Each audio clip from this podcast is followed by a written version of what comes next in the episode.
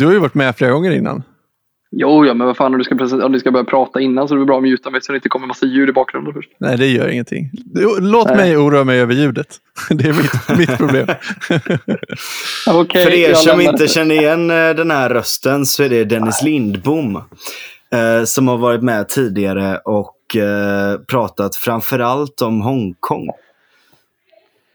Mm. Nu har han lite andra saker på gång om vi säger så. Ja, Berätta var är det någonstans? just nu sitter jag på en, på, eller en scout, scouthus i eh, Lviv i Ukraina. Eh, Jag har varit här sedan i eh, natten mellan lördag och söndag. Och det har varit, jag tog mig över gränsen där på nattetid. Jag var i Polen och eh, med raketfart kom, kom över med en lastbil faktiskt. Mm. Jag kan berätta Och- mer exakta detaljer alldeles strax. Och för de som inte eh, har lyssnat på oss så länge, så som sagt, du har ju varit med i podden två gånger tidigare också, men du kanske bara ska ge en snabb eh, introduktion till vem du är och varför du är i Ukraina just nu. Hur många timmar har vi? du kan ta den korta storyn. Ja, den kommer ju aldrig fungera. Om man känner mig rätt så pratar jag Ja, aldrig korta stories. det är sant. Eh, mitt namn är Dennis Lindbom. Jag är fotograf, eh, tillika tidigare politiker för Moderaterna.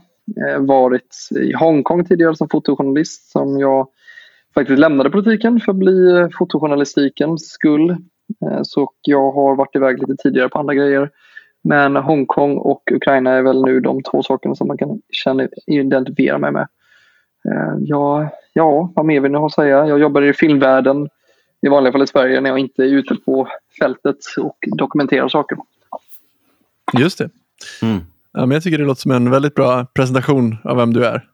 Kort och fatt, kortfattat och bra. Ja, Mm. Allmän galning Du brukar ger väl också dig- säga. Precis. Du är tillräckligt galen för att ta din kamera och åka ner eh, till ett krig. Ja. S- Så, så kan man väl sammanfatta det. Jag Ja, sa att jag behövde, semester, jag behövde semester på mitt jobb så det kändes perfekt tillfälle att ta det. Får du tjänstledigt då? Ja, jag har tjänstledigt. Ja. Så att det här är Har inga problem. försäkring? har du försäkring? Vad tänk, livsförsäkring eller? Ja, eller så här Nej. i allmänhet liksom. Är det någon som vill teckna en försäkring till dig? Nej, jag tror inte någon som över sin döda kropp vill teckna en försäkring för mig för att jag är så mycket värd. Alltså, jag känner att vi börjar i rätt ände här verkligen. Ja, för fan, det är De stora bra. viktiga frågorna. Ja. Nej, jag är mest orolig. Ja, du har ju fått chansen att kunna prata med Dennis innan han åkte. Det har inte jag, så jag är lite så här, blir mamma nu liksom. Ja, grejen var att Dennis eh, hörde ju av sig för eh, en vecka sedan eh, ungefär och sa att jag kommer nog åka ner till Ukraina. Jag bara, "N- nej, jag, jag tycker nog att du stannar hemma här. Och så bara, vi kanske ska gå ut och ta en öl och, och prata om det här. Så gick vi ut och tog, tog en öl. Och jag förstod väl att eh, det kommer liksom inte gå att, att stoppa den här eh, människan. Så att eh, just nu så lever jag i någon sorts, liksom, eller så här, det är väl klart att jag respekterar det här, ditt val. Liksom, och jag, jag tycker att du gör en, eh, en, en eh, extremt viktig eh, insats och berättar vad det, händer, vad, vad det är som händer på andra sidan gränsen. Men, men som, som din vän så känner jag eh, enorm jävla oro, oro över att du befinner dig där. Måste jag säga. Ja. Hur var resan ner Dennis? Eh, den, jag började i Göteborg, bokade biljett med en kille som heter eh, Milan Lundin som är delaktig i Röda Korset. Han i sin fråga pratade med mig och ville haka på. Jag har sagt att jag kan inte hindra honom att åka på men jag tänker att om man vill jobba med Röda Korset så tycker jag att det är en hedersvärd grej. Och, eh, Mm. vi, och det är alltid skönt att ha någon att åka med ner med. Så vi åkte till Gdansk eh, på eftermiddagen, tidig eftermiddag på lördagen. Och så eh, mellandade vi som sagt i Gdansk och så kom vi till Warszawa. Och väl i Warszawa så hade vi träffat på flyget två vänner till Milan var tjejen i den relationen bor i eh, Warszawa. Hon hade lite egna kontaktuppgifter till taxibolag som var villiga att köra lite längre. Så för 500 slotti i 160 kilometer i timmen och nonstop så körde vi till eh, eh, Lublin på nästan blank två timmar. Det ska inte ta så kort tid i vanliga fall, men han körde. Mm. Ehm, Så kom vi dit. På, gick, Ja, där i östra Polen då alltså, såklart. Japp, så att det är Lublin, mm. så det är inte långt ifrån. Det är tre och en halv timmes körfält till uh, Lviv sen efteråt. Så det är mm. den, gran, den största grannstaden kan man säga. Eh, väl i Lublin så gick vi en bit och gick ner till tågstationen bara för att ha lite... Vi misstänkte att de flesta kommer med tåg över så vi kom dit. Och var första anblicken när vi kom in så upptäcker vi gula västar med eh, olika förnödenheter på lokala kommunens hjälpcenter och där är frivilliga från 18 eh, år upp till 70 som står och tar emot folk. Och det är folk, barn, kvinnor, eh, mestadelen äldre herrar som är betydligt över 60, års bast, 60 bast som eh, med chock i ögonen ser helt döda och tomma ut eh, och sover på bänkar och på golvet och allting. Och det, det är ganska makabert att se det första man får se när man kommer in. Men samtidigt också mm. medveten om att det här är, det är flyktingarna från Ukraina som flyr Putins regim. Eh, jag lyckades få tag mm. på en tjej som hette Melina som var en polsk hjälp, frivilligt, eller var volontär heter det volontärsarbetare som var tränare på militärhögskolan i Lublin. Eh, till det. Hon eh, är grå, halvgråt i halsen och är, är superstressad och har jobbat nästan tio timmar sträck. Eh, och var den enda som kunde prata engelska med oss som ställde sig och diskuterade allting och berättade hur läget var. Lägesrapport från platsen. Eh, hon, berättade, hon berättade att det här, är, det här är första anhalten de kommer till innan de eh, åker djupare in i Europa eh, och genom Polen och allt. Och eh, den landar där, får vatten, får nödigheter, sen väntar de på tåget. Och väl när vi stod och pratade med dem så såg man folkmassor som springer mot tåget. Eh, och försöker bara slänga sig på första bästa tåg. Och när man först kommer in så någon skriker vart den ska till. Så bara, det är bara sardinpackade tåg blir det. Eh, det, är, mm. det är en mm. sjuk upplevelse att se så mycket folk på ett tåg. Det, det är Göteborg-Stockholm när det är typ Håkan Hellström och alla står tryckta i tågvagnen för att de ska komma ner. Men det är, det är, det är otroligt mycket intryck man får ja. på kort tid. Mm. Så väl, hon berättar både lägesrapporter hur det ser ut där och pratar även om den polska politiken, hur den, hur den är just nu med tanke på flyktingarna och allting. Eh, mm. Och det, den är väldigt hjälpsam. De polska civila är otroligt mottagliga till detta märker man i områdena där. Så att väl där så försökte vi planera hur vi ska ta oss över till Lviv. Och vi, vi märker att tiden tickar på. Vi inser att vi kanske inte kommer över samma kväll. Men eh, av en slump så träffade jag två killar som eh Matthew och David heter de. Eh, och de var polska killar från Chelm. Så att de, eh, de erbjöd sig att skjutsa oss till gränsen. Då tron att de skulle köra oss till gränsen utanför Lublin. Men eh, det var uppe i Chelm så det var två timmars körfält norröver eh, Lublin istället. Och över gränsen där. Mm. Och, eh, ja, då, vi sitter i två timmar och lär känna dem ganska väl på kort tid. Och vi sitter och snackar om geopolitik och världen generellt och hur situationen, hur de ser det. Och de säger att vi har tre platser i baksätet. Vi kör tre stycken fram och tillbaka hela tiden till Lublin och närstående till Chelm till hjälpcenter. Så de är, och de var 20 bast, 20-22 bast. Alltså hjältar i den månaden som vågar ta och göra detta. Um, Verkligen. Så det, var, det visade humanitär arbete från hela Europa märker man. Och det var, det var inga snack om saken. De ville verkligen hjälpa och de hade hjärtat på rätt plats. Och det var, var hedersvärt. Och de, det enda de satt och sa det var att vi, vi gör inte mycket. Vi kör bara folk fram och tillbaka. Det är inte någonting som jämfört med de här. Och även eh, Melina som är då polska hjälp, eh, volontären på flyktingcentret. Hon, eh, hon hela tiden jämförde med men jag har bara stått tio timmar, de andra har stått i tre dygn oavkortat utan att ta vila. Jag har inte sett dem gå härifrån. Jag kommer på morgonen och går på kvällen och de är kvar hela tiden i samma kläder. Um, så de jämför sig väldigt mycket. Det är väl den här svenska modesta inställningen som uppenbarligen har smittats av sig på hela européerna. Um, ja. Så det, är, det, är väldigt, det är väldigt påtagligt. Och sen är väl, alltså jag, jag intervjuar henne och diskuterar ganska mycket och får, och hon börjar bli gråtfärdig så jag kramar om henne och förklarar att hon har gjort ett bra jobb. Eh, och samma med killarna. De var, de var otroligt trevliga och ville hade, hade hjärtat på rätt plats men de hade svårt att kunna ta emot eh, komplimangerna för de, de såg inte att de gjorde någonting. Och sen väl, eh, väl där så eh, när vi kommer till gränsen så försöker de hjälpa oss få en bil över för man får nämligen inte gå fysiskt från polska gränsen in i Ukraina. Man måste, det är bara tvärtom på vissa ställen. Eh, där kräver de att man kör över en bil för att stämpla passen för inresa grejerna.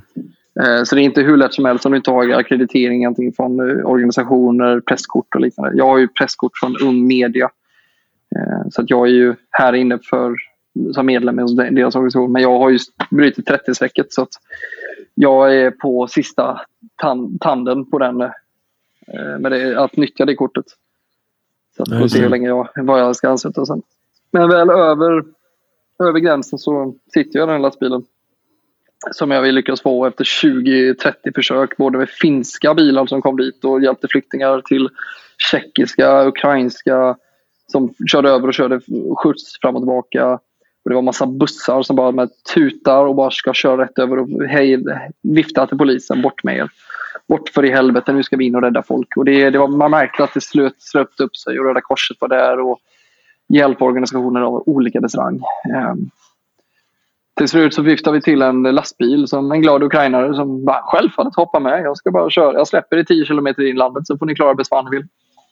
Um, väl mm. över gränsen så tar det ju ja, en och en halv timme. Och press, eh, gränskontrollerna ska ju ha våran pass fyra, fem gånger. Till slut så försvinner passet nästan i 40 minuter och jag tänker nu är jag körd. Um, nu är jag över gränsen och nu har jag inget pass kvar men jag fick glatt tillbaka. Han kom tillbaka i sina, i sina overall.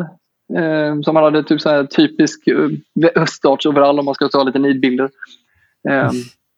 Kör han den, släpper av oss vid en bensinstation.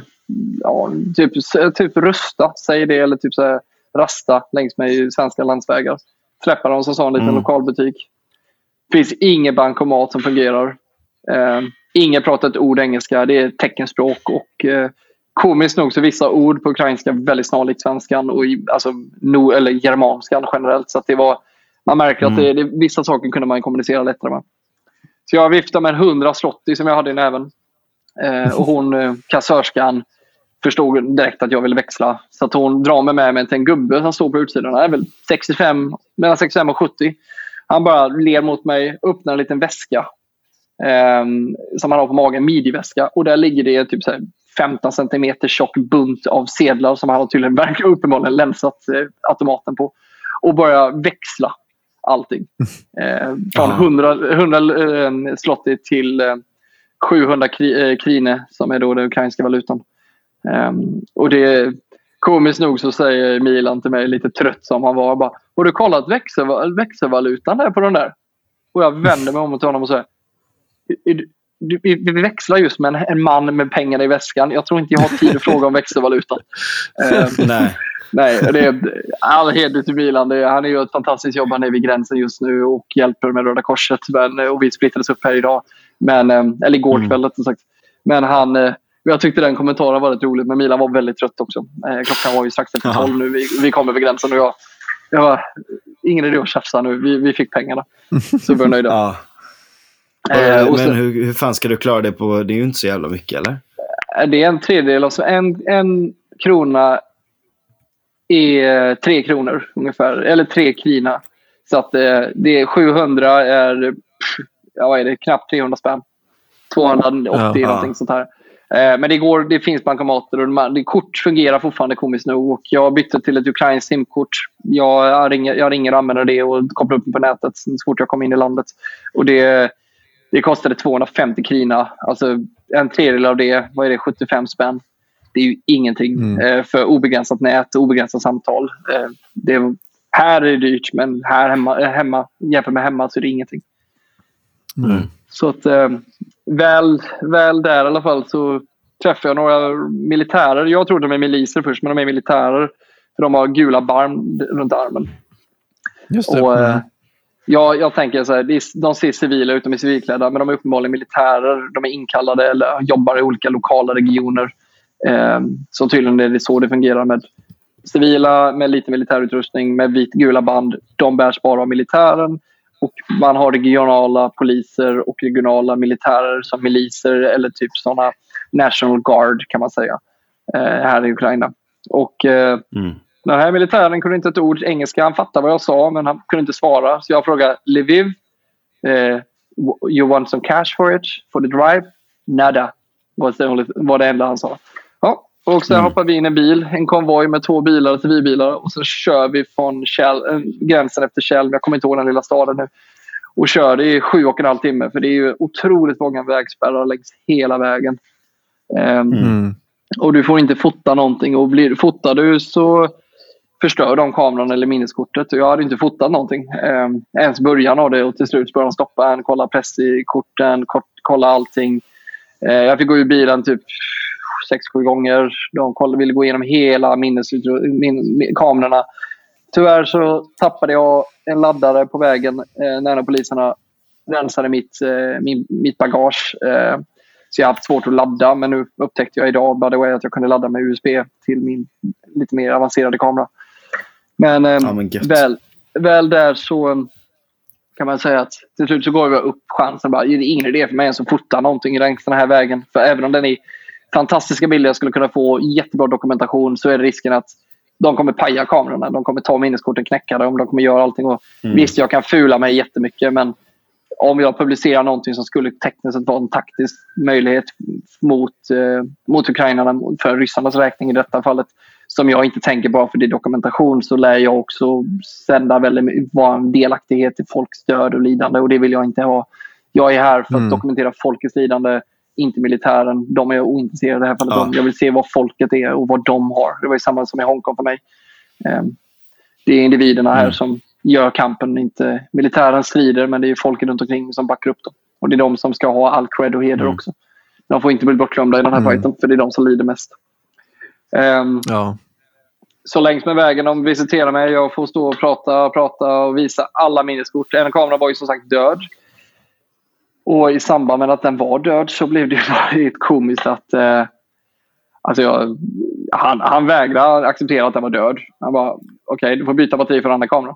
Okej, men den håller också på att dö nu. Ja, det, det är skitsamma. Vill du det eller så blir du av med kameran. Okej. Ja. Ja. lyckades få igång den. Visa att det var inga bilder. Det var gamla jobbbilder för typ två år sedan på det minneskortet som jag inte hade raderat. Och han bara... Eh, ja, ja, det är inte Ukraina, så skitsamma. Eh, ja. och det Mm. hände 20 gånger. Till slut så satt jag med minneskortet och batterierna i handen och verkligen bara väntade till de skulle stoppa mig igen. Bara säga I don't have taken any pictures, please let me in.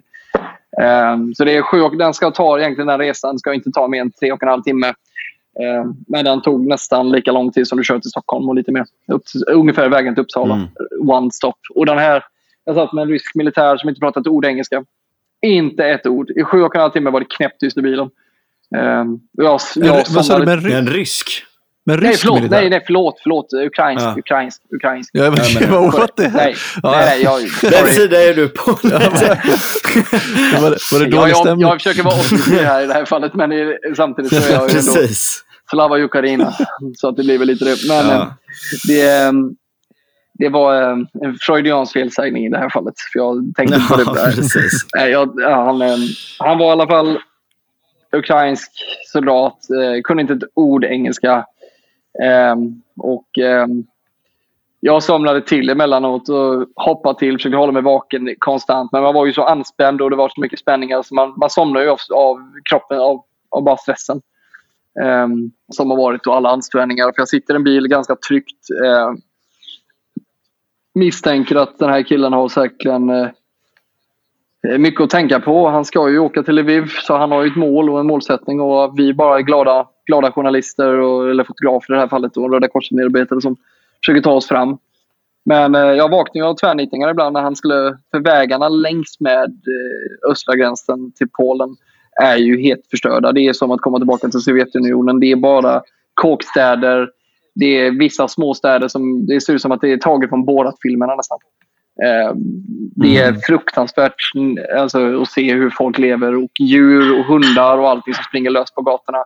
Och det fick jag ju veta att det var ju herre, det var inte herrelösa hundar. Det var folk som hade lämnat sina husdjur i flykten. Så alla hus längs med vägen var ju Ah. tomma. Dörrarna stod öppna och det var ju... Tyvärr så kan jag inte ta bilder på detta så jag kan inte ha något bevis till det jag säger med mina, ve- vetensk- eller mina uppfattningar. Men vad jag ser så Ja. är det ju... Det ser, det ser ut som Sovjetunionen på bilder som man ser från ungefär 80 ja, 70-80-talet på landsbygden.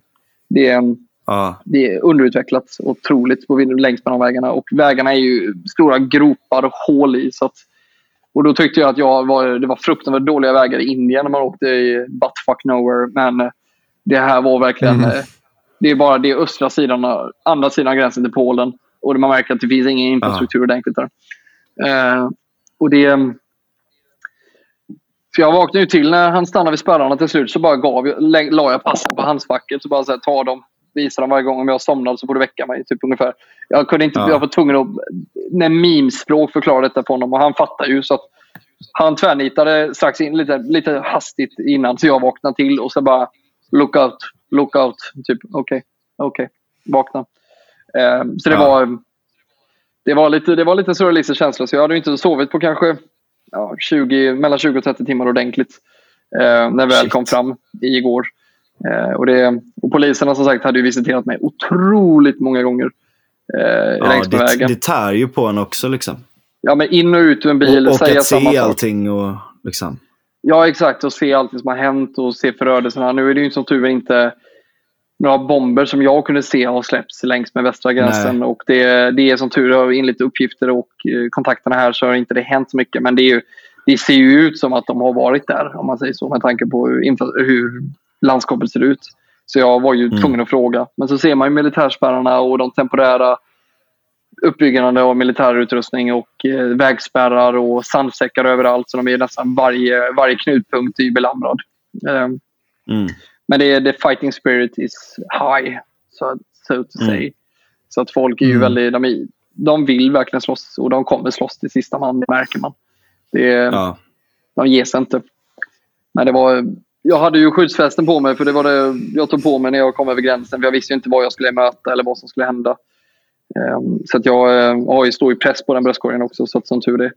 Ehm, så att väl, väl i Lviv så fick, hade jag på mig skyddsvästen för att ett, det är en fruktansvärt jobbig grej att bära runt i en väska, så det är lättare att ha den på sig. Ehm, men i, när man hoppar av bilen i Lviv och möter polisen och militären så skojar han lite så här först med en, för att de ifrågasatte det återigen kamerorna. Man har sagt, jag har sagt hela gränsfallet, jag tar inga bilder på något av era militära mål. Jag är här för att be- bevaka befolkningen och flyktingströmmarna. That's it. Och då Mm. tummen upp. Um, skillnaden, är att jag bär ju i alla fall inte offerkoftan eh, som en annan så kallad hittepåjournalist bär ju. Vi pratade, om det, vi pratade om det innan eh, du kom här Frans. Jag vill bara säga det. Det är väl fan att man har en kompis som är i krigets Ukraina, men det är ändå dig vi får vänta på innan vi kan sätta igång Frans. vi får anpassa oss efter dig, jag förstår det. Ja, det är jävligt jobbigt här. Jag var på en releasefest förstår du och det är så jävla mycket rödljus i Östermalm. Ja, Ja, precis. jag håller med. Det är väldigt mycket rödljus här också. Det blev en misskommunikation. Till mitt försvar så hade jag faktiskt planerat att vara hemma i tid men så blev det misskommunikation med en plus ett timma. Ja, Som precis. från min inte jag förstod att vi räknade, att vi, eh, att vi räknade med så att säga. Ja, det är sånt som händer. Men in, innan du kom då Frans så pratade vi om att eh, det finns ju en annan eh, svensk journalist som gärna springer runt i skyddsväst, men då gör han ju det här hemma i Frölunda och sånt. Ja, just det. Just det. och då, ja, då skämtade vi lite om att, eh. Dennis har ju Var faktiskt det, en var det inte Chang som sa också, eller nej men det var någon annan som sa att det liksom Äh, jag, jag vet inte fan. Nej, det var nog inte Chang. Det var någon som sa att det är liksom farligare på Göteborgs gator. Eller, vet, eller så här, farligare i förorten eller något sånt där typ. Är ni i Ukraina just nu? Ja, men det var någon som slängde ut, nej det var inte Chang, var det inte. Men det var liksom, det var någon som slängde ur sig det här. Chang är väl vid gräns, i någon flyktingläger den här gränsen. Väl? Ja, han, precis. Han hjälper till och kör folk och huserar folk på något hotell och lite allt möjligt sånt där. Han gör en jävla insats faktiskt. Det Ja, får ja, man verkligen. verkligen, verkligen ge honom. Jag såg Fredrik jag- Kärrholm och, eh, Dosa. och eh, Dosa. Båda har ju varit med i podden tidigare ehm, också, får man ju säga. Ja, just det faktiskt. Eh, de båda har ju tagit en skåpbil och åkt ner, såg jag också. Eh, flög förbi på Twitter. Så det väldigt mycket människor som är eh, engagerade i det här och verkligen visar sig från sin bästa sida just nu. Och det är Ja. väldigt fint att se. Verkligen. Verkligen. Alla som gör, lyfter ett finger ska ha en eloge. Det tycker jag oavsett vem de är faktiskt. Ja, verkligen. Ja, Men Mm. även de som, jag var på, eh, idag så var jag på Norrmalmstorg på måndagsrörelsen där. Jag menar även, även de här sakerna spelar roll. Ehm, och att liksom organisera eh, kampanjer för stöd och allt möjligt sånt där. Ehm, Mm. Så, ehm, men Men hur är, hur, är, hur är stämningen i Lviv nu? Den är tung, det märker man. Folk, det är ständigt med flyktingströmmarna. Det kommer ju tusentals människor hit från hela Ukraina, både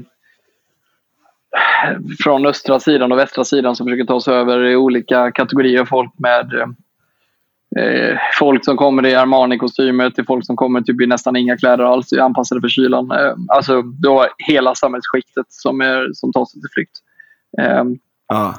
Och det är, det är otroligt eh, att se hur folk eh, försöker vara Äh, man säger, de försöker i alla fall bara, bara överleva. Och jag har pratat med många av mina lokala kontakter på plats som jag lärt känna i dagarna nu.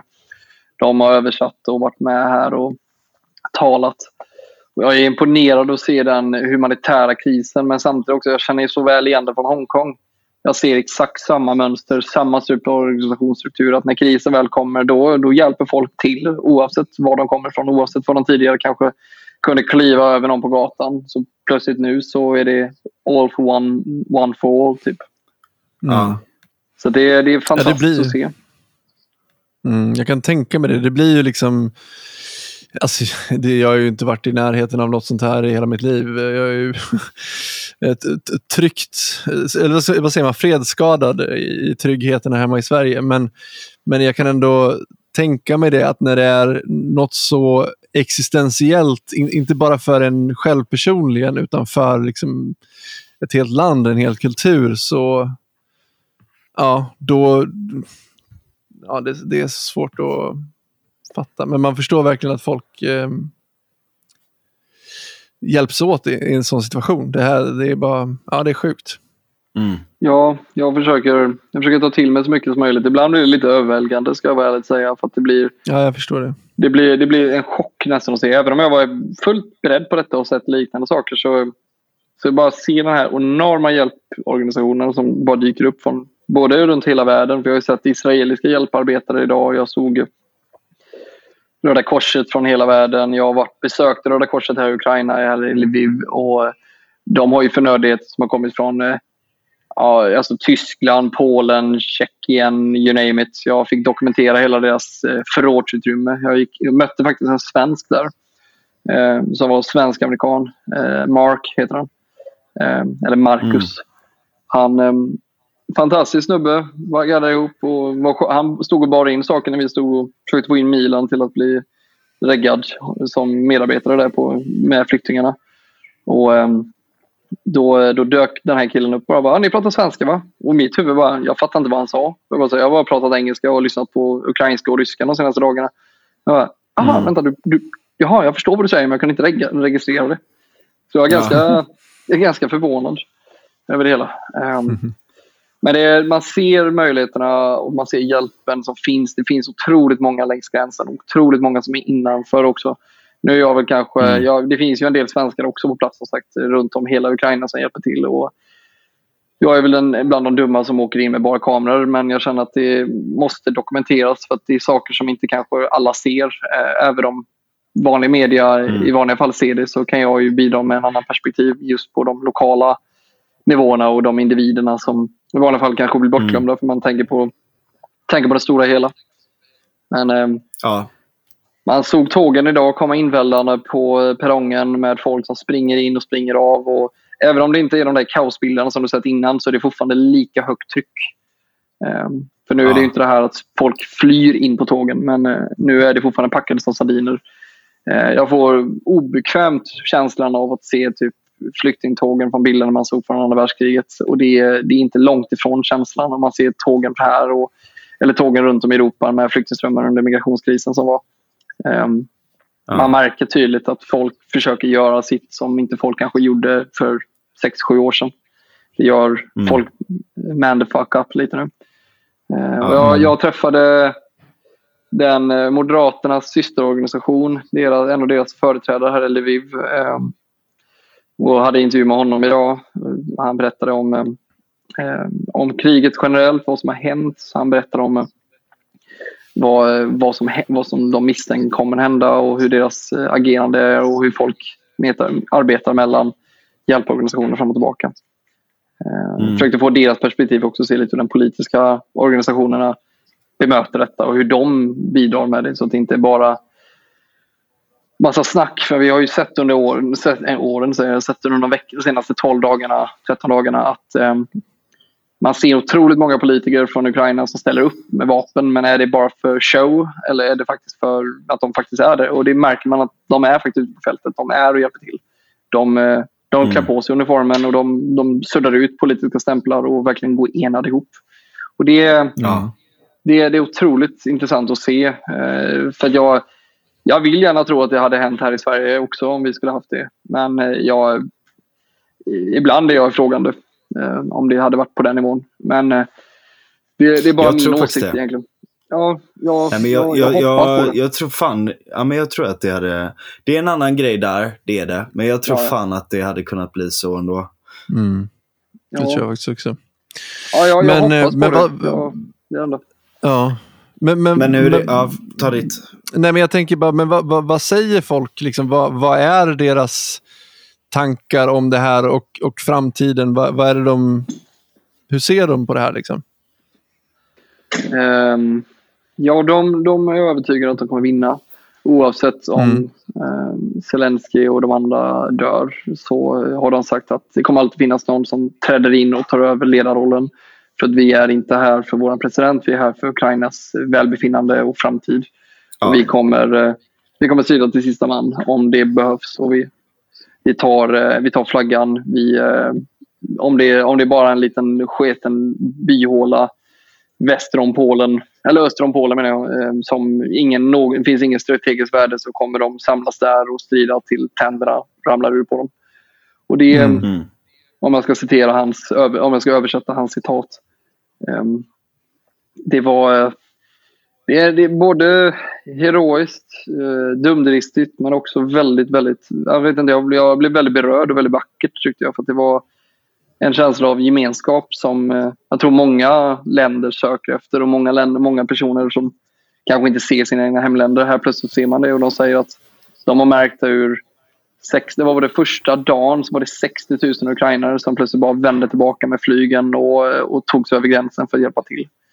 Eh, och det väller in frivilliga, både hjälporganisationer men också personer från militären som är jätteintresserade att ta sig an fighten både mot ryssarna men också till att hjälpa till i hemvärnet och eh, de olika bitarna och tränar folk. Så det här är en verkligen stor internationell sats på plats som jag märker. Mm. Och det är bara Lviv som det är jag kan ju en sån... Ja, precis. Det är ju en sån grej liksom att man vet inte riktigt vad man har innan man riskerar att förlora det. Ja, ja exakt.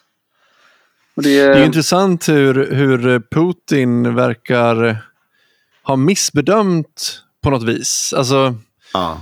Eh, för, för, jag menar på något sätt så har han ju enat väst också som har varit väldigt, alltså jag, ja. jag vill inte säga splittrat, men det har ju varit väldigt mycket jo, de senaste två åren. Ja, men, men på, på något sätt så har det varit, eh, alltså det är ju en sak att, att bråka sinsemellan, men när det väl gäller så, så är det någonting man lägger åt sidan. Det är lite grann som när man har syskonbråk. Liksom. Mm. Men om det kommer någon annan jävel utifrån, då är man enad. Liksom. Ja, eh, och lite så, och det tror jag inte att han har räknat eller hade räknat med i alla fall. Um, Nej, det, det säger och de det... faktiskt på plats också. Väldigt tydligt. Ungefär liknande beskrivning så säger de samma sak, samma tes. Vilka mm. då sa du? Eh, ukrainarna. De säger att vi, eh, ja. de, alla, alla, eh, jag ska ärligt säga att de, flesta, de nästan alla jag har träffat har ju varit så anti, anti-Putin, anti-storbror Ryssland, men inte ryssar, men stor, alltså land, alltså staten och kommunismen är deras, eh, det nämns hela tiden. Så fuck the Stalin, fuck the communist. Alltså oavsett vilken gruppering man träffar, så om de är höger eller vänster så märker man direkt att de, var, oh, de, är, väldigt, de är väldigt hårda i tonlägena. Och det Ukrainarna är ett väldigt fint folk och väldigt gemenskap, äh, visar stark gemenskap men de är också väldigt, väldigt frispråkiga. Det märker man både på mm. ukrainska och annat. Man kan märka det rätt på tonläget och på kroppsspråket när de är förbannade. Eh, man behöver ingen översättning där, man fattar ungefär vad de säger. Um, men det, mm.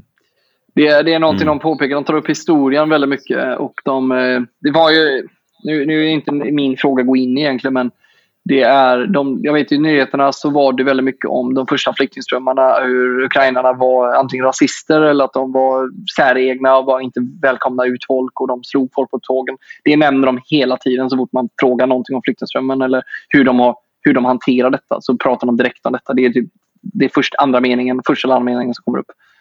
Um, för bildsättningen, hur deras bildsättning har blivit utifrån hur att de har tydligen eh, särprioriterat eh, invandrare från andra länder utöver Europa som, kom, som försöker ta sig ut.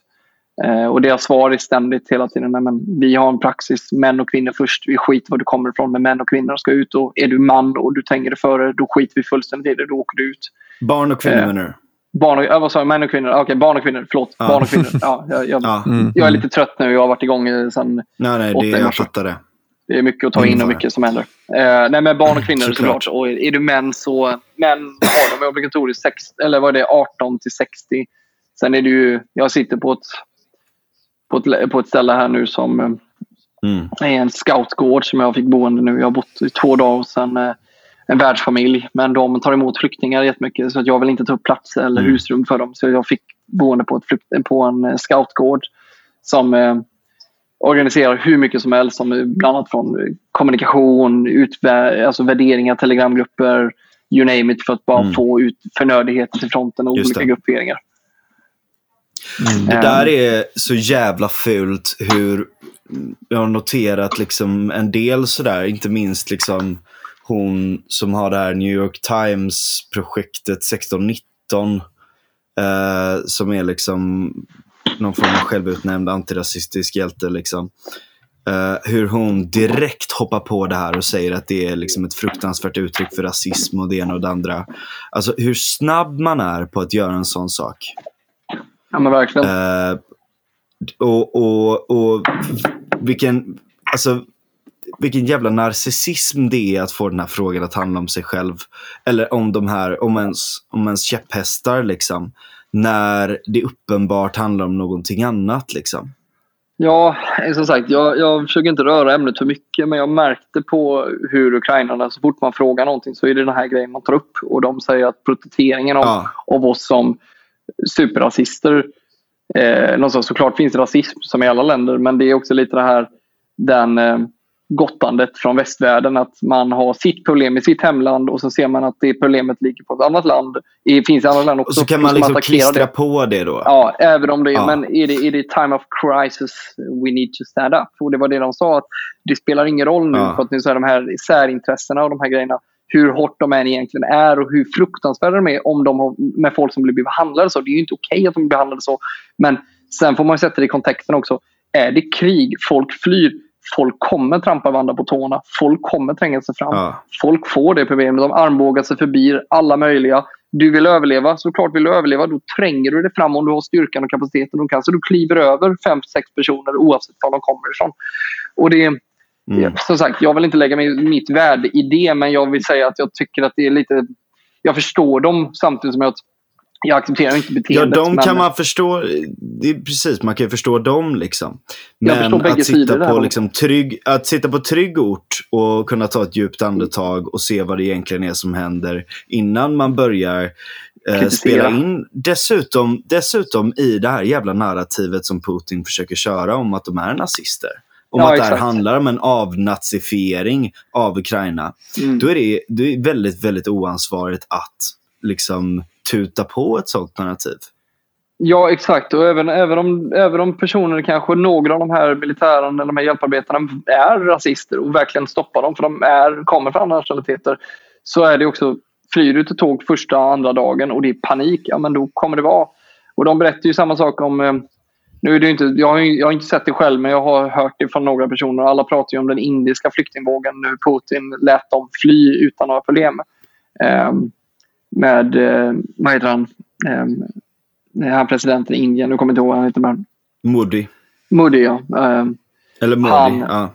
Ja, men eh, hur han kom överens med Putin att få evakuera sina indiska medborgare som bodde i Ukraina eh, genom att de fick en flyktväg österut istället.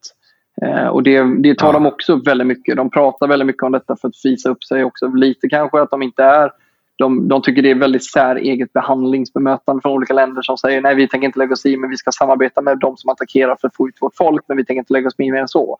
Och det, det, det märker ja. man att tonläget här är väldigt de är väldigt påtagliga mot att okay, vi försöker få hjälp, vi behöver ha hjälp. Men nu får vi sluta hålla på och fjanta oss om så här särintressen. Nu måste vi faktiskt fokusera på att antingen dör vi idag eller så överlever vi imorgon. Och det, mm. och det, jag kan förstå deras frustration över detta. Fullt och fast. Men eh, som sagt, jag fördömer ju såklart om man beter sig aktivt som ett rövhål mot människor. Men samtidigt så måste man ha en kanske viss förståelse att folk blir Folk är panikslagna, mm. folk är rädda och folk ja, vill leva. Och det, då, då gör folk orationella beteenden. Och det, oavsett hur ja. accepterat eller oaccepterat det är så, så är det den, den, den brutala verkligheten i en sån här situation.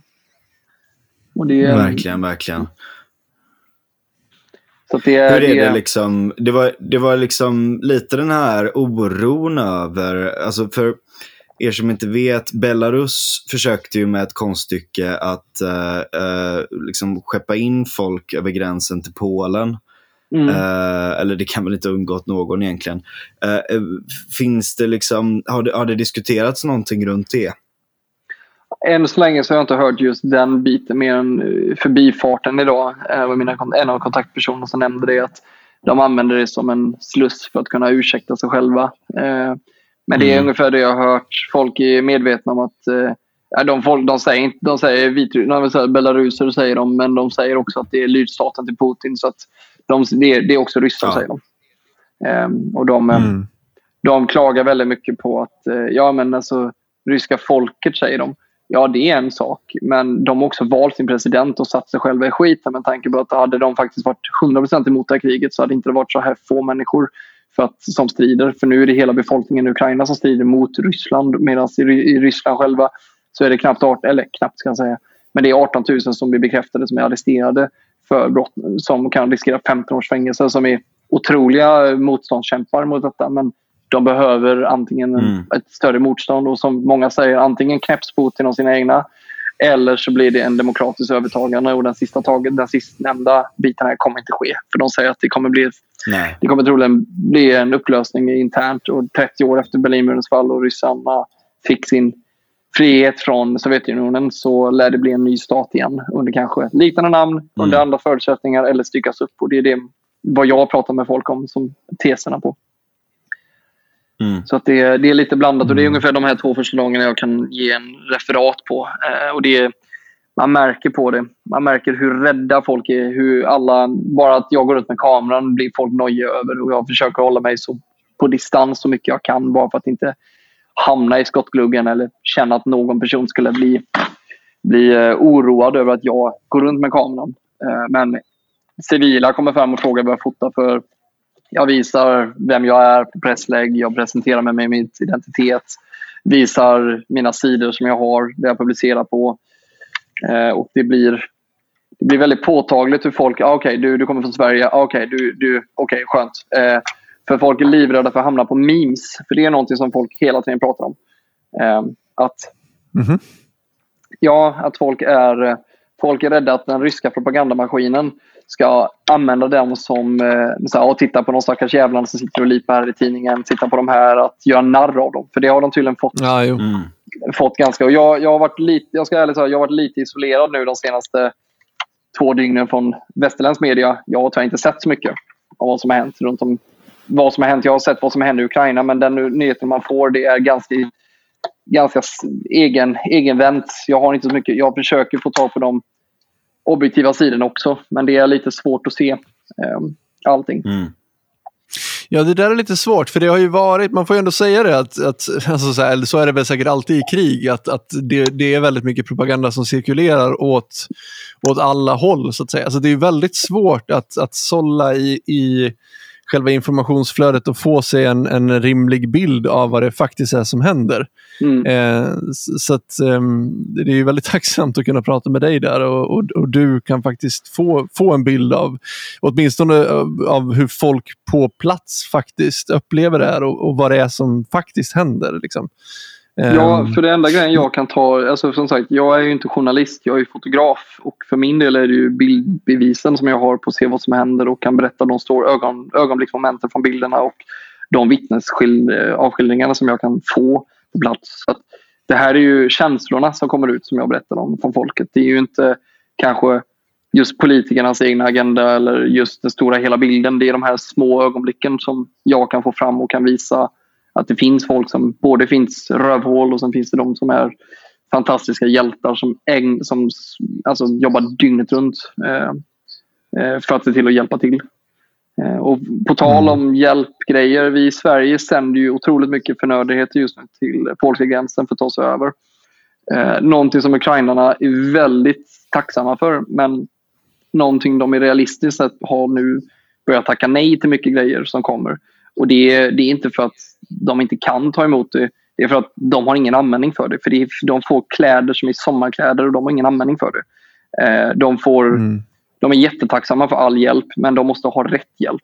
Och det de vill ha det är mm. jaktkläder, saker med heltäckande kamogrejer, det är väskor, eh, ryggsäckar, det är eh, typ jakt, jaktutrustning kan man säga som de kan använda sig för att täcka sig i mm. skogen. För flera går ju ut i skogen och lägger sig. Eh, och det är ju mm. och jackor som inte är elfärgade, som är kanske mörka kläder. De vill ha saker som är beredda för strid för. Eh, civilbefolkningen mm. i flyktinglägren, ja, där kan de få, men de har varit tydliga med att vi har fått skicka tillbaka saker. Vi har fått ja, lämna, vi, har, här, vi fyller upp massa jävla containerhus och containrar med saker vi aldrig kommer kunna använda. Men vi är jättetacksamma för hjälpen. Men det är bättre att man lyssnar då kanske på vad vi behöver för hjälp än att bara skicka saker. Eh, jag tycker, det är, ja, jag tycker det är otroligt snällt av svenska befolkningen som gör det. Jag tycker alla som engagerar sig i det gör en enorm insats för befolkningen. Men jag, jag ställde faktiskt den öppna frågan till många organisationer, hjälporganisationer och personer runt omkring. Och alla säger samma sak vi kan inte ta emot mer sommarkläder. Vi har, vi har alltså sommarklänningar som vi ligger på hög som vi kommer tyvärr bränna för att få eld, få värma upp det. Vi har förnödenheter som är brist på som toalettpapper, hygienartiklar, konservburkar, saker som håller, som pasta. Alltså mm. Eh, veteslag av olika slag har ju gått rasande fart och försvunnit. Och eh, jag, jag, har fått, jag har varit otroligt snälla människor som gett mig gratis mat och jag har försökt betala så gott det går men de vägrar. Och ja, det, är, det är potatis. Det är, det är som våra, våra far och morföräldrar och kanske äldre som berättade andra världskriget. Att de fick käka potatis med soppa i typ fyra år under kriget. Det är exakt det de beskriver nu. Att ja, det är det här vår mat vi får. De har infört alkoholförbud från eh, sen nästa, ja, några dagar efter starten av kriget. Så att nu får du inte dricka, mm. du får inte köpa alkohol, inte ens utländska medborgare får göra det, eller präst eller någonting. Um, jag tänkte inte på det idag för jag beställde en, en jag käkade lunch och tänkte ta en öl bara för att varva ner lite och redigera bilder och sen upptäckte jag nej visst fan jag får inte, får inte köpa någon öl här. Och det, det märks också påtagligt hur befolkningen är på helspänd. Man märker ingen som är full, ingen som har druckit och det är för att få alla personer att vara, vara beredda så att ingenting händer. De, eh, ja. Från klockan, eh, lokal tid klockan 10 som 10 minuter, alltså en timme och 10 minuter för svensk tid, så är det utgångsförbud. Så får du inte gå ut och då måste du släcka ner allting. Du måste dra ner fönsterrutorna för garantin att om det kommer flygplan så de inte ser ljuset så måste, kommer de bomba annars. Och det, det är det de säger i alla fall. Sen om de kommer bomba just ditt hus eller annat, men det är för att de inte ska lokalisera vilka städerna är. Så att städerna släcks ner ganska mm. till viss del. Och sen går faktiskt komiskt nog en del av scoutkåren är akkrediterade så de får gå ut efter tio på natten och, span, och ha, köra spaning eh, på det. Shit, har, det är scouts på riktigt liksom. Det är verkligen mm. scout på riktigt. Så Och det var det jag trodde först men det visade sig att det var en scoutkår. Nu säger jag inte vart i Lviv, jag säger inte det, men jag kan säga en scoutkår, en plats, en ställe i Lviv utan att avslöja någonting specifikt har uppdrag att vara scouter eh, ute på gatan mm. och hjälpa folk och se till att ta hand om sjuka men också faktiskt några få individer scoutar på platsen och håller koll på eh, desinfektörer, eh, sabotörer och personer som håller på med information. Eh, jag har fått erbjudande att hänga med en kväll här så jag tänkte jag ska göra det eh, och se vad som ja. händer. Men ja, eh, imorgon så är det min sista dag i Lviv för vi åker till, troligen till Rivne eh, som ligger en, ja, halvvägs till Kiev och där har de brist på allting av sjukvårdsmaterial och allting. Och det, kommer mycket, det, skeppas, det är första anhalten att skeppas till för det är många som hamnar som är skadade och de första flyktingarna ur Kiev, Kiev som inte kommer till andra städer, de tar sig dit. Så där är det en, eh, en ganska stor stad som har fått enormt mycket påfrestningar. Eh, mm. Syt, Sytmor, eller jag tror den heter, den lilla staden som inte ligger långt härifrån eh, jag ska faktiskt säga rätt namn här istället, så jag ska ta fram det. Jag ska se om jag kan... Sytmoir. Jag kan inte uttala de här namnen. Jag är ledsen till de lyssnare som hör mig basha Mm. ukrainska namnen. Men Sytmorir, det ligger en till två timmar utanför Lviv och där har de bombats. Eh, och där är det hus som är kratrar och det är katastrofalt. Så det kommer vara min första anhalt och sen blir det Rivne som blir eh, andra anhalten och då är det inte långt ifrån fronten. Och sen får vi se vad som händer om jag, hur jag tar mig därifrån eller vad, vad evakueringen om det skulle närma sig blir. Men det, är- det är min målsättning för att möta ytterligare människorna på flykt och se vad, vad deras livsstory är, vad de önskar och vad de vill. För alla vill ju tillbaka till Ukraina. Det är ju, jag märker det tydligt att folk som är villiga att fly, de, de säger vi, vi flyr inte för vi vill det. Vi flyr för, såklart som alla andra flyktingar någonsin sagt, vi flyr för vi bor i våra hemländer men vi vill överleva också. Ehm, Mm. Och det, Ja.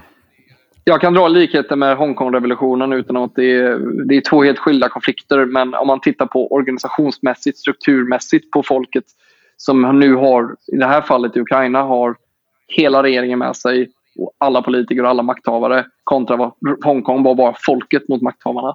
Så strukturerar de sig på samma Mm. sätt med samma typ av hjälporganisationer, företag, allting. You name it. De gör allting för ett motstånd. Alla personer bidrar på något eller annat sätt. Det är väldigt få personer jag har sett som sitter och går på bio. Nej, det var en, det är en dag och natt verkligen. Man åker från polska gränsen och ser folk som fortfarande sitter och dricker öl och är på fest och rubbet. Till att de kommer över gränsen där alla är på helspänn. Så det, det, Mm. det var som en kulturkrock som otroligt smäller in. Ja. Mm. men det är, det. det är otroligt många kvinnor det- som är med i militären och polisen också. Så jag ser allt från 18-åringar till 25-åriga småtjejer om jag uttrycker mig så. Jag är dock 30 så jag ska inte säga småtjejer men, men unga kvinnor som faktiskt bidrar väldigt mycket. Så att, eh, det är inte bara män som strider. Det är både män och kvinnor känner att de evakuerar mödrar med barn. Det är ju ganska förståeligt för, med ansvarstagandet. Mm. Mm. Men, eh, men, men, men ditt eh, mål är ändå Kiev, eller vad, vad skulle du säga är ditt Min mål? önskemål är Kiev. Vad jag har lovat är ju att jag ska hålla mig så långt ifrån Kiev som går. Eh, och det Mm. har jag ju en bärsning från eh, damen hemma, eh, dig Daniel och flera andra personer Mm. som har hotat nu om att eh, om, jag inte, om jag dör så, så dödar ni mig igen eller om jag kommer hem så slår ni ihjäl mig. Så att jag, jag, jag ska inte lova vart jag hamnar men jag kan säga att jag, jag, jag har min, mitt team från Hongkong-tiden är del, uppdelade här och vi har flera olika nya medlemmar som anslutit sig till oss och vi är i en del av oss är i Kiev och det är, ganska, det är förvånansvärt lugnt just nu. För ungefär 10 mil utanför, utanför Kiev så är fighterna. Och det går mellan 10 mil till, till en mil utanför. Så det är ganska the calm before the storm som de säger. Så de vet inte vad som kan hända. Men det är otroligt lugnt just i dagsläget enligt uppgifterna. Det är i, i närområden, Supret och några andra städer som har blivit bombade ganska kraftigt just nu. Så de bombar alla flyktvägarna till mindre städer. Men Kiev i sig själv i dagsläget, just i stunden som jag läste, så är det, och mina kollegor som är på plats, så säger de att det är otroligt lugnt för att vara en stad som ryssarna vill ta. Så det är, det är nog i stormens öga just nu. Där. Mm. Eh, Men, eh, jag, Men- jag, men- jag är inte där så jag kan inte svara på det. Jag kan bara tala utifrån vad mina kollegor säger just i skrivande stund den 7 mars 21.53 lokal tid vad de sa till mig. Eh, Mm. Men eh, det, det kan ändras på fem minuter så kan bombräden komma. Så att det har varit lugnt till och från om man säger så. Mm. Ja, man... man eh, jag, jag har så svårt att... Jag vet inte om vi ska gå in på det nu, men... men jag har så svårt att fatta vad liksom the endgame är för Ryssland i det här. Vad, va, vad är det de... Det måste ju vara en, en felkalkylering, alltså på, på, på något plan. Sen, sen, ja, jag, vet, jag, jag känner att jag har så dålig koll på Jag det här kan så säga- jag, jag kan säga utifrån- orolig. Ja. Jag kan Kör säga utifrån vad jag har här i, på, på marken så säger alla att alla ryssar som de har fångatagit så har de antingen är det propaganda som de har varit intalade att läsa upp eller så är det sanningen. Att det är, det är militärövningar från tonåringar som, har blivit, som är rekryt, rekryter och deras form är att de ska ta sig in och ur landet, in och göra i Donbask-området och sen fick de gå över gränsen och strida. Och det var de inte beredda på alls. Så de var, militären var inte riktigt beredda heller enligt, enligt, enligt de ryktena jag hör. Um, och enligt den uppgiften som finns runt omkring så är det, är det, de har nog gjort en underkalkylering på just motståndet. För de trodde väl att som teserna är här på plats som jag har pratat med så är det att de trodde att pandemin skulle splittra folket eftersom att folket har varit förbannade mot sina lokala regeringar i varje land i Europa och därför skulle det inte mm. finnas en samhörighet. För att är man missnöjd med politikerna så dör de i Ryssland. Är de missnöjda oppositionella, då försvinner de i Ryssland. Och här i, eh, mm. i västvärlden så väljer vi om våra regeringar eller så kickar vi dem strax innan de ska bli omvalda för att de inte betyder någonting eller de gör fel. Och den ryska mm. mentaliteten är väl att de tror liknande. Att okej, okay, som det fungerar i Ryssland kanske det fungerar i Europa för att nu, nu är alla förbannade och massdemonstrationer mot det. Och så visar det sig plötsligt att oj, felkalkyleringen var ju extrem för att ja, vi kanske inte lyssnar på våra politiker som, gud, som semigudar men vi, vi skiter i vad de säger om det betyder att vi ska hjälpa till. Därför visar också den europeiska befolkningen samhörighet till den ukrainska befolkningen extremt och vill hjälpa till. Och det tror jag att både militärmässigt och strategiskt och humanitärt så har Ryssland förlorat alla, alla poäng de någonsin gått.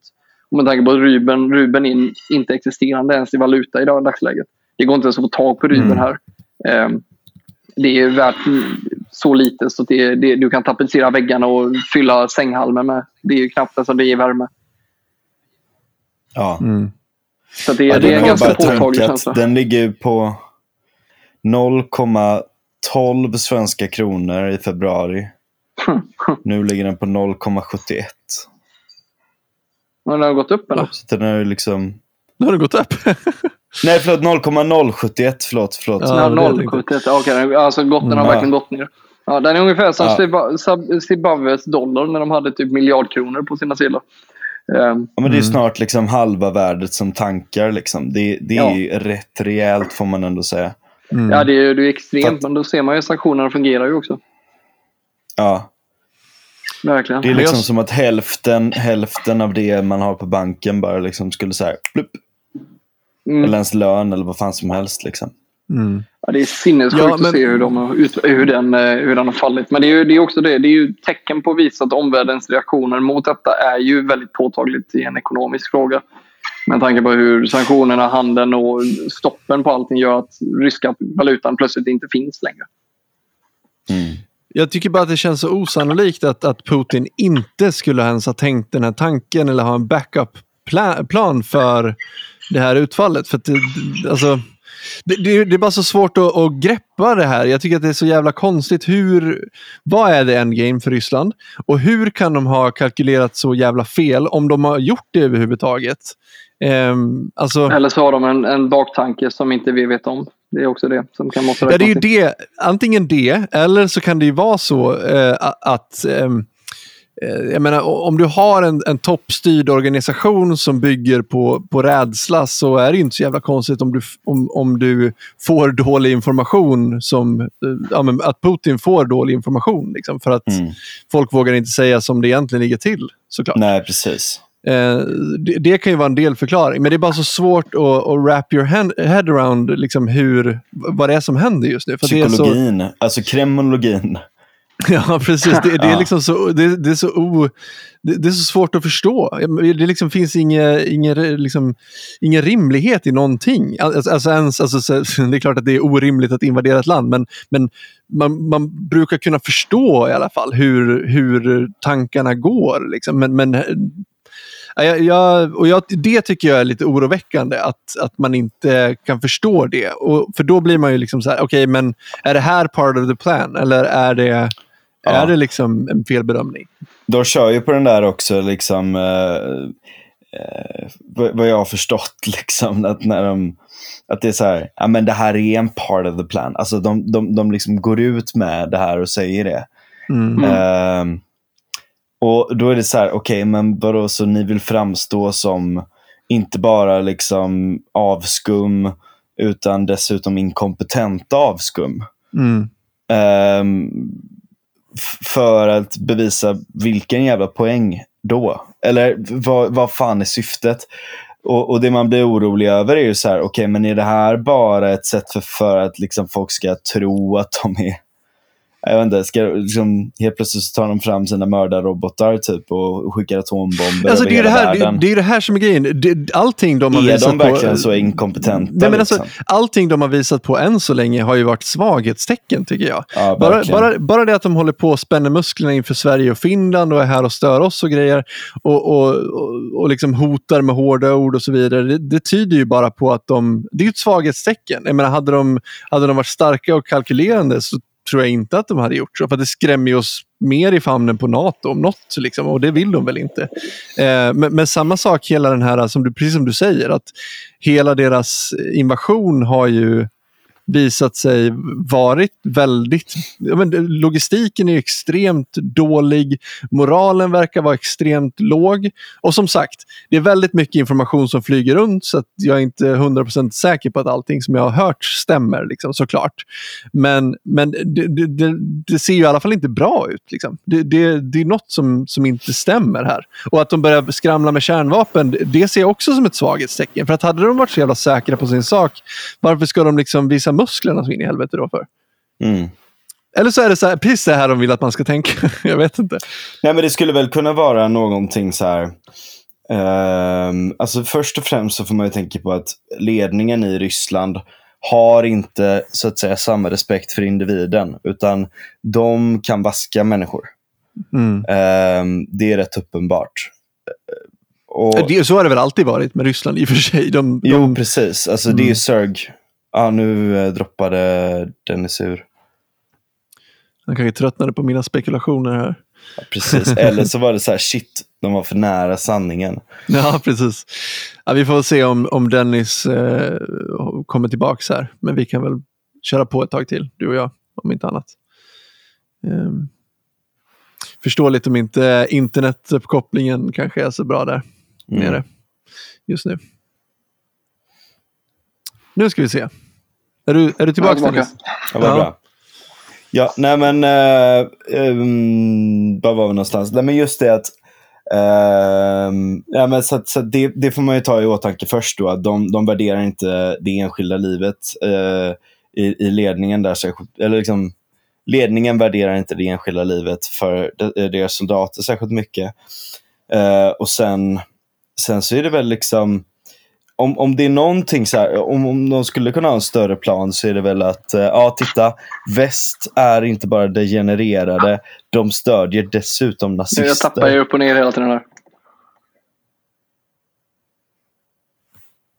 Ja, nu tappade vi Dennis här. Eh, och det var väl antagligen någon form av rysk hackerattack uh, riktade mot oss eh, här i Resonans podcast.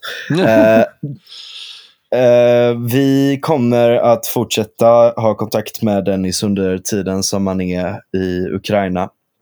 Eh, och han kommer att eh, fortsätta berätta om, om det han ser och eh, om ni vill stödja honom så vet jag inte hur vi eh, ska lösa det. Men eh, vi kan skriva med det. Jag tror att Dennis är tillbaka nu faktiskt. Ja, nu är han tillbaka. Jag är tillbaka Ja. Japp, jag kom in där just i meningen. Eh, ja, alltså stöd kan man väl alltid få. Jag är inte den, som sagt, vi skojar om en annan person som brukar gå runt i offer, offerkofta och, och begära Ja. pengar för sitt så kallade hittepåjobb. Är jag, Eh, en- är jag en swish-hallick då? Ja, om du vill vara det, absolut. Jag, jag Ja. begär inga pengar. Jag så, vill man bidra till mig så får man hemskt gärna göra det på mitt telefonnummer som är 0768 637138.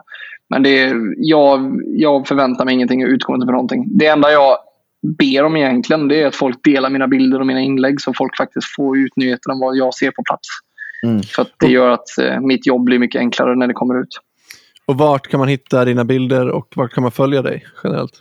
Man kan följa mig på Instagram, Dennis Lindbom. Eh, Och på Facebook också för den delen. Man kan antingen lägga till mig. Mina inlägg är öppna så att man kan se det. Och sen finns det en, en fotopage om man inte har Instagram som heter Dennis Lindbom också. Och då kan man Mm. se det där. Men eh, som sagt, det enda jag önskar det är delar mina grejer. Jag är jätteglad. Lite som jag skämtade med dig Daniel innan jag kom in. Jag gör det här bara för att få Instagram-följare. ja, det, är då, det är ett dåligt sätt, eller det var ett väldigt självuppoffrande sätt för att få Instagram-följare. Ja, verkligen. verkligen. Precis. Jag, att, men jag, jag sa att... det innan att uh, Dennis, att uh, det här är bara liksom uh, första delen av fler förhoppningsvis.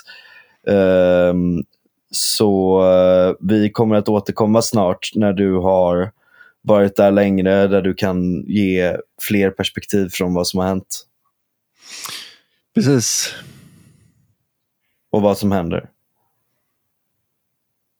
Ja. Och nu tappar vi Dennis igen. Ja. Vi säger så.